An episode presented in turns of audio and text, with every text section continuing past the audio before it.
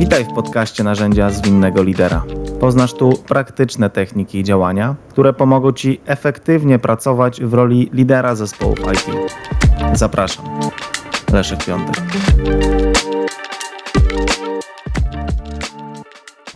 Witajcie w szóstym odcinku podcastu. Temat dzisiejszego odcinka to co zrobić w pierwszych tygodniach pracy z nowym zespołem. Temat mam wrażenie pomijany może, może w jakiś sposób zaniedbany. Jednocześnie temat szczególnie dla mnie bliski. To znaczy, wielokrotnie dołączałem do, do zespołów, do, do jakiejś już grupy ludzi, która pracuje nad jakimś produktem, nad jakimś projektem. I o ile Scrum, czy PMI, czy Prince, czy cokolwiek używacie, jakkolwiek pracujecie, czy to jest Agile, czy Waterfall, czy mix jednego i drugiego, jakby te frameworki, te metodologie, one odpowiadają na pytanie, jaki jest stan docelowy jak powinien wyglądać proces, albo jaka powinna być dokumentacja w projekcie, albo jak w poszczególnych fazach projektu, co powinno się tam zadziać. Natomiast gdy wchodzicie do już rozpędzonej maszyny i macie ten stan taki docelowy, punkt odniesienia, który w tych grubych bądź cienkich książkach jest opisany, jakby nie jest napisane, co jest z tego najważniejsze. To znaczy, jeżeli wchodzę do teamu i widzę, że w jakichś aspektach ten team może działać lepiej, czy może nawet powinien działać lepiej, czy, czy cierpi na jakieś nieefektywności, i widzimy, że to jest niezgodne z tym, co jest napisane w tych książkach, no to od czego zacząć? Jak zacząć? Na co się zabrać w pierwszej kolejności? Jak w ogóle sobie to popriorytetyzować? Jak, jak to poukładać? No jakby na tego typu pytania ja miałem bardzo dużą potrzebę tego, żeby ktoś mi na te pytania odpowiedział. Nikt nigdy nie powiedział mi wprost, co ja mam zrobić w pierwszych tygodniach pracy z nowym teamem. Dlatego zdecydowałem się nagrać ten odcinek, gdyż mając doświadczenie wchodzenia do wielu już zespołów, popełniłem bardzo wiele błędów. Chciałbym się tymi błędami z Wami podzielić. Chciałbym się z Wami podzielić takim moim spojrzeniem na to, co warto w pierwszych tygodniach pracy z nowym teamem zrobić. I zanim do odpowiedzi, krótka historia e, z jednego z zespołów, z którym miałem okazję współpracować. Opowiadali mi, że ileś tam czasu przede mną dołączył do nich nowy Scrum Master. Nowy Scrum Master książkowo, jednym z pierwszych takich swoich aktywności, które zrobił z tym teamem, zrobił retrospektywa, która była podobno bardzo sensowna.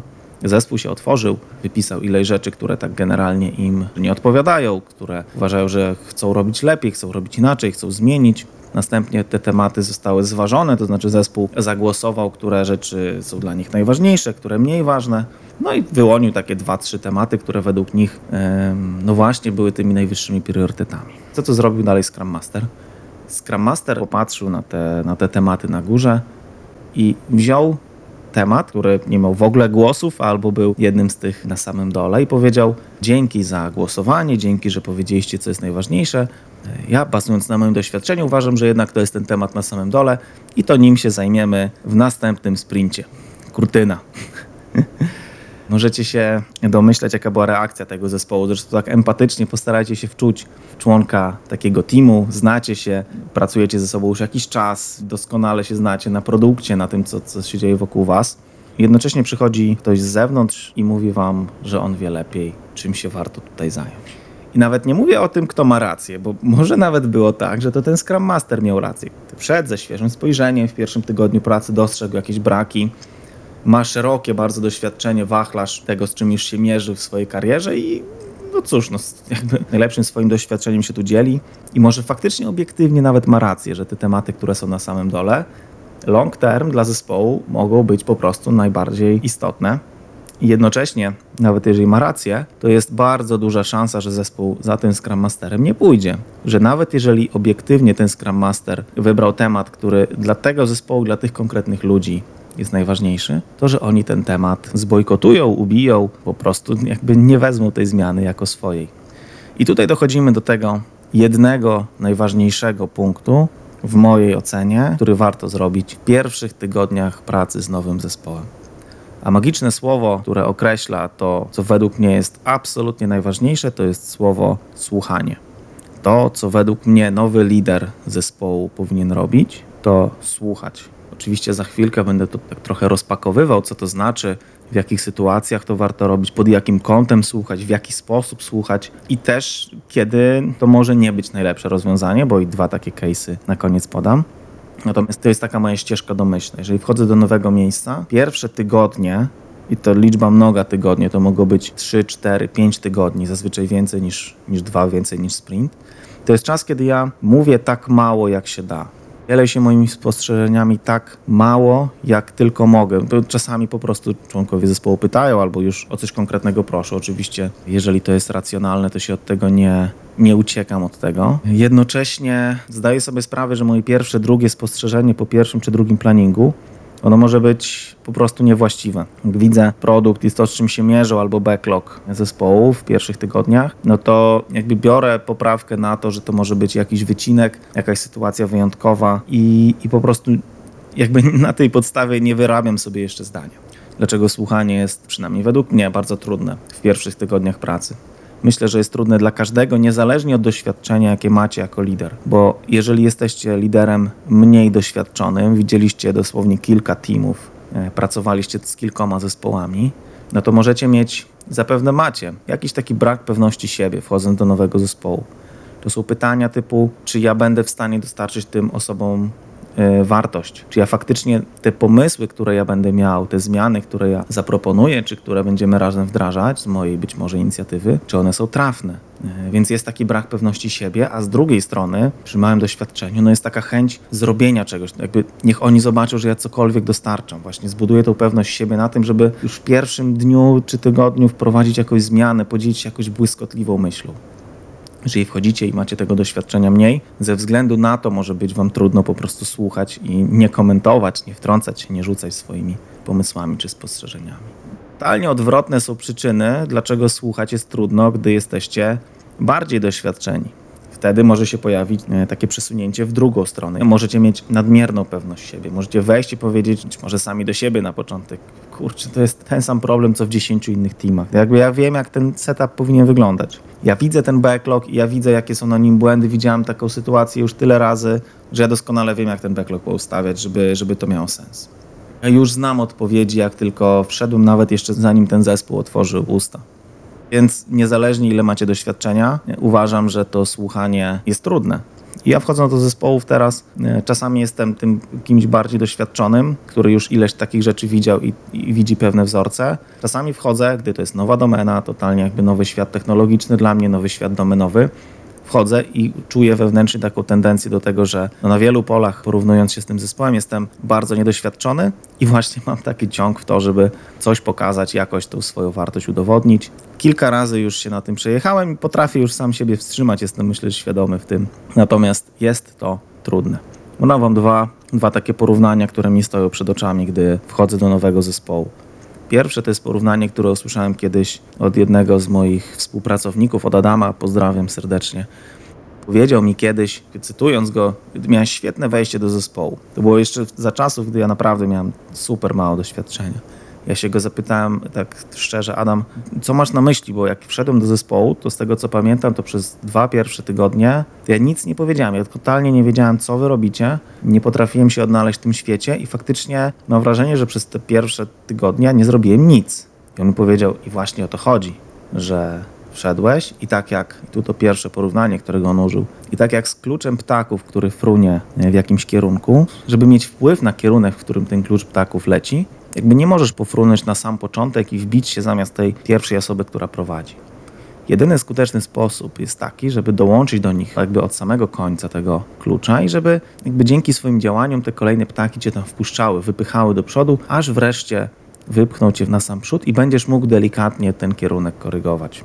Bardzo takie mocne było dla mnie wtedy to porównanie i ta odpowiedź. E, drugie, którego ja często też używam, to jest takie porównanie z pociągiem, że jeżeli widzę pędzący pociąg, zwłaszcza jeżeli on jedzie w dobrą stronę e, albo w miarę w dobrą stronę i jakąś prędkość ma, nawet jeżeli ta prędkość widzę na oko, że no, może być wyższa, no to ja nie staję przed tym pociągiem nie staram się go zatrzymać na tych torach. Bo po prostu mnie ten pociąg być może zmiecie, a być może sam gdzieś się wykolei. E, to, co staram się zrobić, to doskoczyć gdzieś tam właśnie do tylnego wagonu i się zacząć przyglądać temu, gdzie ten pociąg jedzie, jaką trasą i gdzie ma dojechać. Czego warto się w tych pierwszych tygodniach dowiedzieć? No powiedziałem o tym, żeby słuchać. Zapewne słuchanie, takie aktywne słuchanie, nie polega tylko na tym, że po prostu siedzę i słucham, ale w jakich obszarach warto mieć to ucho nadstawione i też nie tylko ucho, bo w tym jest też samemu zadawanie pytań, w tym jest też, e, no właśnie, podam kilka sposobów za chwilę czego warto się dowiedzieć wchodząc do nowego zespołu. Ja to podzieliłem na takie cztery obszary. Pierwszy obszar to jest produkt. Nad czym my tu w ogóle pracujemy, jakie mamy cele, jaki ten nasz produkt ma cele, jaka jest wartość biznesowa, dlaczego firma, z którą współpracujemy, inwestuje zapewne grube pieniądze w to, żeby ten produkt właśnie rozwijać, może utrzymywać, może modernizować, może robić jakąś migrację, jakby cokolwiek to jest, jaka jest wartość biznesowa tego, nad czym pracujemy. Kim są interesariusze tego produktu? Kto ma jakiś interes w tym, że my to robimy? Kim są użytkownicy końcowi? Jaka jest technologia, czy łatwo ten produkt się rozwija pod kątem technologicznym, czy mamy mnóstwo legacy, jaka jest jakość, jakie są problemy na produkcji, czy w ogóle jesteśmy na produkcji, jak wygląda proces wdrażania na produkcję, jakie są, idąc dalej właśnie w taki bardziej product ownership biznesowy, wyzwania dla tego produktu, jak wygląda rynek i tak dalej, i tak dalej, jakie są potrzebne umiejętności technologicznie do rozwijania tego produktu i wszystkie pozostałe inne rzeczy, które wokół tego produktu się kręcą. Czyli taki obszar numer jeden, gdzie nadstawiam ucho, to jest produkt. Obszar numer dwa to jest proces. Czyli gdzie jest nasz backlog zadań? Być może to jest projekt z ustalonym zakresem, gdzie ten zakres jest. Kto ustala priorytety, jak one się wyrażają w tym procesie? To znaczy, czy jest tak, że mamy jakąś transparentną listę priorytetów, czy nie? Patrząc z perspektywy członka zespołu, jest takie pytanie, skąd ja wiem jako członek teamu, co mam dzisiaj robić? A jaka jest kolejna najważniejsza dla mnie rzecz, nad którą będę pracował, jak skończę tą rzecz, nad którą pracuję? Skąd to wiem? Czy to jest faktycznie świadomie popriorytetyzowane? Czy jest tak, że jak skończę, to się będę zastanawiał? Czy ja wiem, nad czym pracują moi współpracownicy, moi koledzy z teamu, koleżanki? Czy to jest transparentne? E, w momencie, gdy jest mi to potrzebne, to czy muszę ich pytać, czy wystarczy, że gdzieś zajrzę? Więc to jest taki obszar numer dwa, czyli proces. Obszar numer trzy, który mnie szczególnie interesuje, to jest współpraca czyli współpraca po pierwsze wewnątrz zespołu, jak wyglądają te interakcje, kiedy się ze sobą spotykamy, jak wyglądają takie kanały komunikacyjne e, między nami, jakie tutaj zespół być może ma wyzwania, może mi się to już uda dostrzec. Idąc tak troszeczkę szerzej, jak wygląda współpraca z product ownerem, czy kimkolwiek, kto biznesowo podejmuje decyzje odnośnie produktu, jak wygląda współpraca z interesariuszami, jak wygląda współpraca z użytkownikami końcowymi, jeżeli ta współpraca jest, albo no, współpraca, może interakcje bardziej są to adekwatnym słowem. Być może jeżeli my rozwijamy produkt, to jak wygląda współpraca z zespołem, który ten produkt supportuje. Być może to mój team supportuje, więc jak wygląda współpraca z teamem, który rozwija dany produkt. Jak wygląda współpraca z innymi zespołami deweloperskimi, z innymi ludźmi w organizacji, którzy są zaangażowani w proces tworzenia. Czyli obszar numer 3 to jest współpraca. I obszar numer 4 to jest taki obszar najbardziej miękki z tych wszystkich, czyli interesują mnie ludzie, którzy tu pracują. Pewnie to nawet nie jest można powiedzieć, potrzebne tak pod kątem project managera czy scrum mastera bezpośrednio, pod kątem procesu współpracy. Natomiast ja osobiście bardzo doceniam to, że wiem z kim pracuję. I to nawet nie pod kątem efektywności pracy, tak pragmatycznie, chociaż pewnie efektem tego jest też to, że łatwiej nam się rozmawia, łatwiej nam się współpracuje i ta współpraca na koniec dnia jest bardziej efektywna. Natomiast ja też szukam okazji po prostu, żeby poznać ludzi, zainspirować się tym, co robią. I to jest taki czwarty obszar, na który ja patrzę, wchodząc do nowego zespołu ktoś z kim zawodowo, może też coś prywatnie. Jeżeli mam jakąś okazję czy pretekst, może nawet do rozmowy takiej jeden na jeden, to ja to wszystko po prostu biorę pełnymi garściami, szczególnie w pierwszych tygodniach pracy. No i też uważnie słucham i obserwuję na spotkaniach. To znaczy, jeżeli widzę nawet, że temat nie jest dla mnie kluczowy tak merytorycznie, to tak jak potrafię, obserwuję na miękko, nawet pod kątem tego, jak kto lubi się komunikować. Niektóre osoby na przykład komunikują się bardzo sucho, można powiedzieć wprost, faktami, konkretami, podczas gdy inne e, potrzebują to ubrać w jakąś historię. Niektóre osoby, dla nich wystarczy, że zakomunikują jedno zdanie e, jakiegoś ogólnego tematu, podczas gdy inne bardzo potrzebują opowiedzieć o danym temacie do ostatniego szczegółu i detalu. E, nie oceniam, które są dobre, które są złe. Taka ocena byłaby zupełnie niewłaściwa. Natomiast to jest to, co ja mam na myśli, też mówiąc o tym obszarze czwartym, czyli poznanie ludzi. I teraz, czego ja nie robię w pierwszych dniach współpracy z nowym teamem? Po pierwsze, co już myślę, że usłyszeliście nie wprost, albo nawet wprost ode mnie w poprzednich zdaniach, nie wprowadzam zmian od pierwszego dnia. Nawet nie proponuję wprowadzania zmian od pierwszego dnia. To jest, to jest pierwszy aspekt. Podczas gdy zobaczę jedno czy dwa spotkania, zobaczę backlog w danym jednym momencie w czasie, to jest za mało według mnie informacji, żeby podjąć taką świadomą decyzję, że warto to zmieniać. To są ścieżki domyślne, są też wyjątki. Gdy na przykład zespół wychodzi z tym, że chcemy tą konkretną rzecz zmienić, bo nas to boli, pomóż nam to poukładać. No wtedy oczywiście wchodzę i pomagam to poukładać, jednocześnie raczej facylitując ten proces, a nie go, no właśnie, prowadząc. Gdyż po prostu mam dużo, dużo, dużo mniej danych, dużo mniej informacji niż wszyscy ludzie w zespole, którzy są wokół mnie. To ja jestem po to, żeby oni się dobrze usłyszeli, żeby wymyślili jakieś sposoby, w którą stronę iść. Ewentualnie jestem od tego, żeby im coś dopowiedzieć, e, być może podpowiedzieć, natomiast na pewno nie forsować e, swoje zdanie.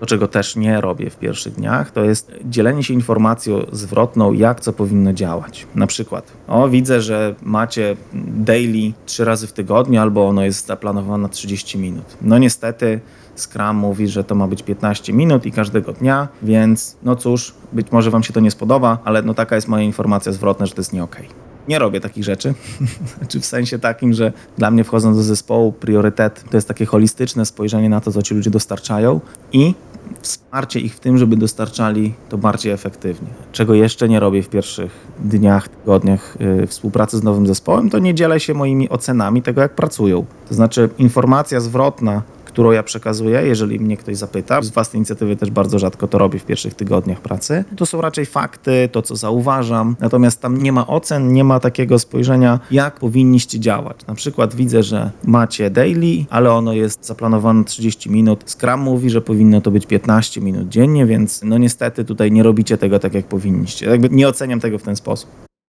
Punkt trzeci, czego nie robię, to nie przejmuję moderacji spotkań wchodząc do zespołu, jeżeli ten zespół już jakoś działa, już jakoś pracuje i ktoś te spotkania prowadzi, ja do nich dołączam jako uczestnik. Nawet jeżeli zespół próbuje mnie wepchnąć w rolę kogoś, kto te spotkania przejmie, jeżeli nie ma jakichś naprawdę obiektywnych przyczyn, to nie wchodzę w te buty. Dlaczego? Bo wchodząc w moderację spotkań, jakby automatycznie trochę zaburzam ten rytm, który dziś zespół y, ma.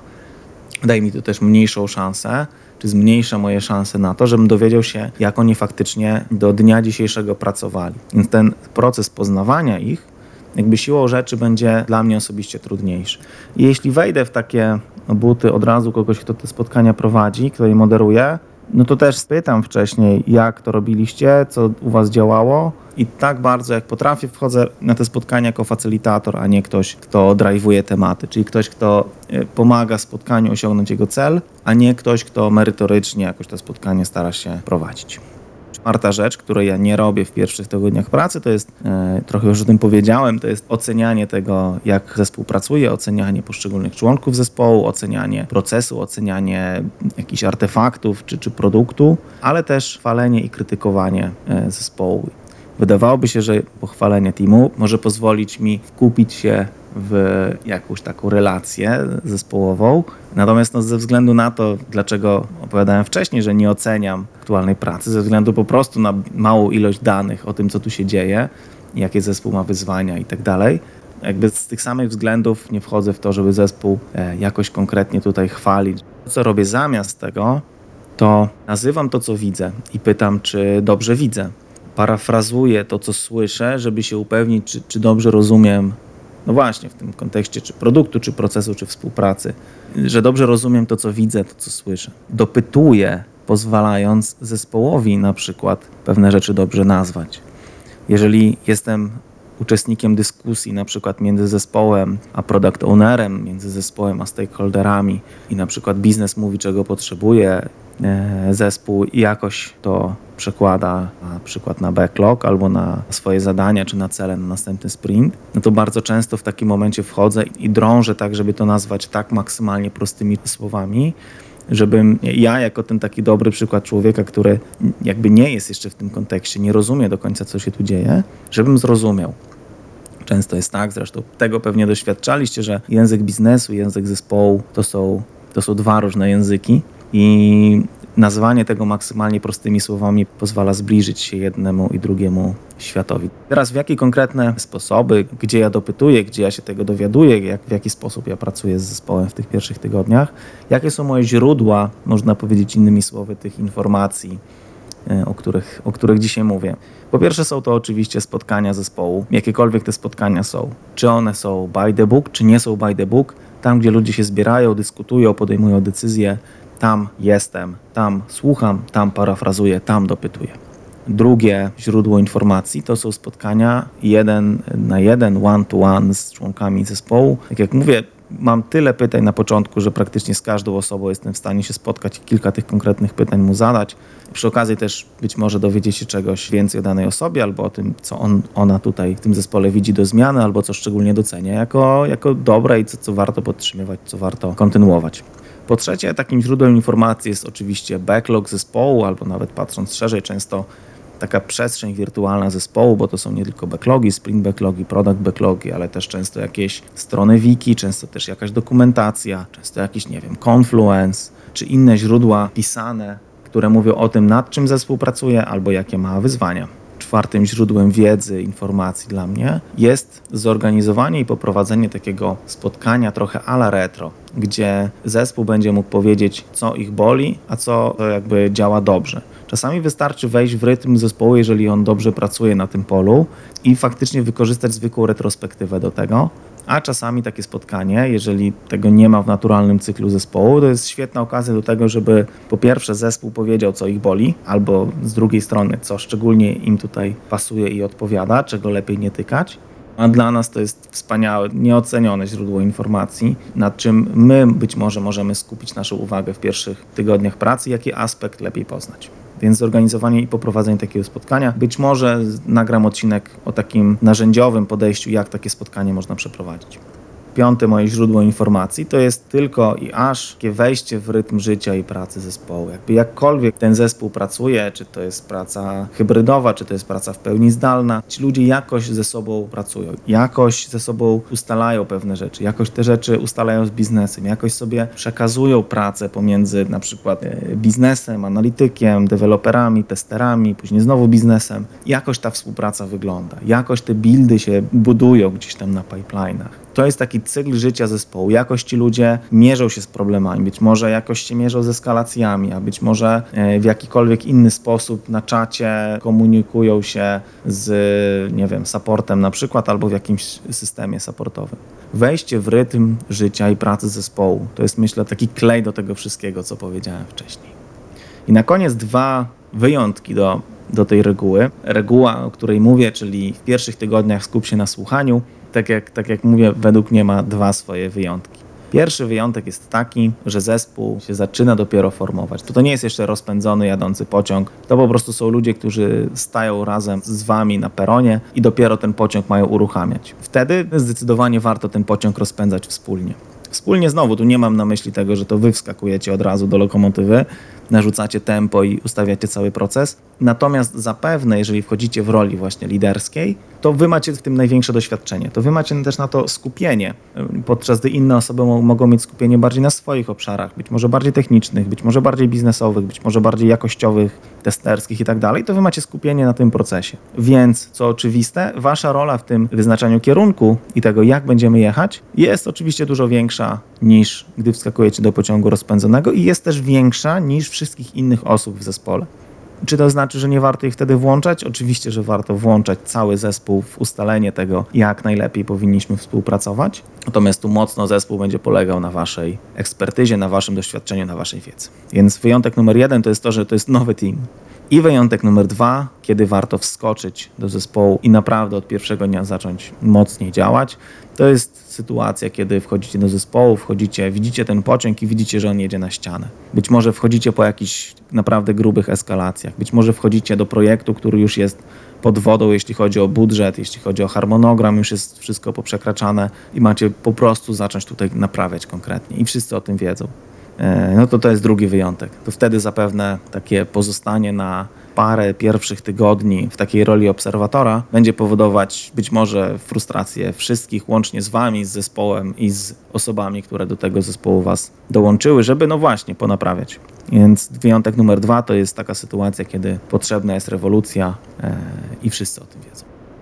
I dzięki za dziś. Mam nadzieję, że ten odcinek zainspiruje Was do tego, co robić, wchodząc do nowych zespołów, być może nawet wchodząc do nowych organizacji.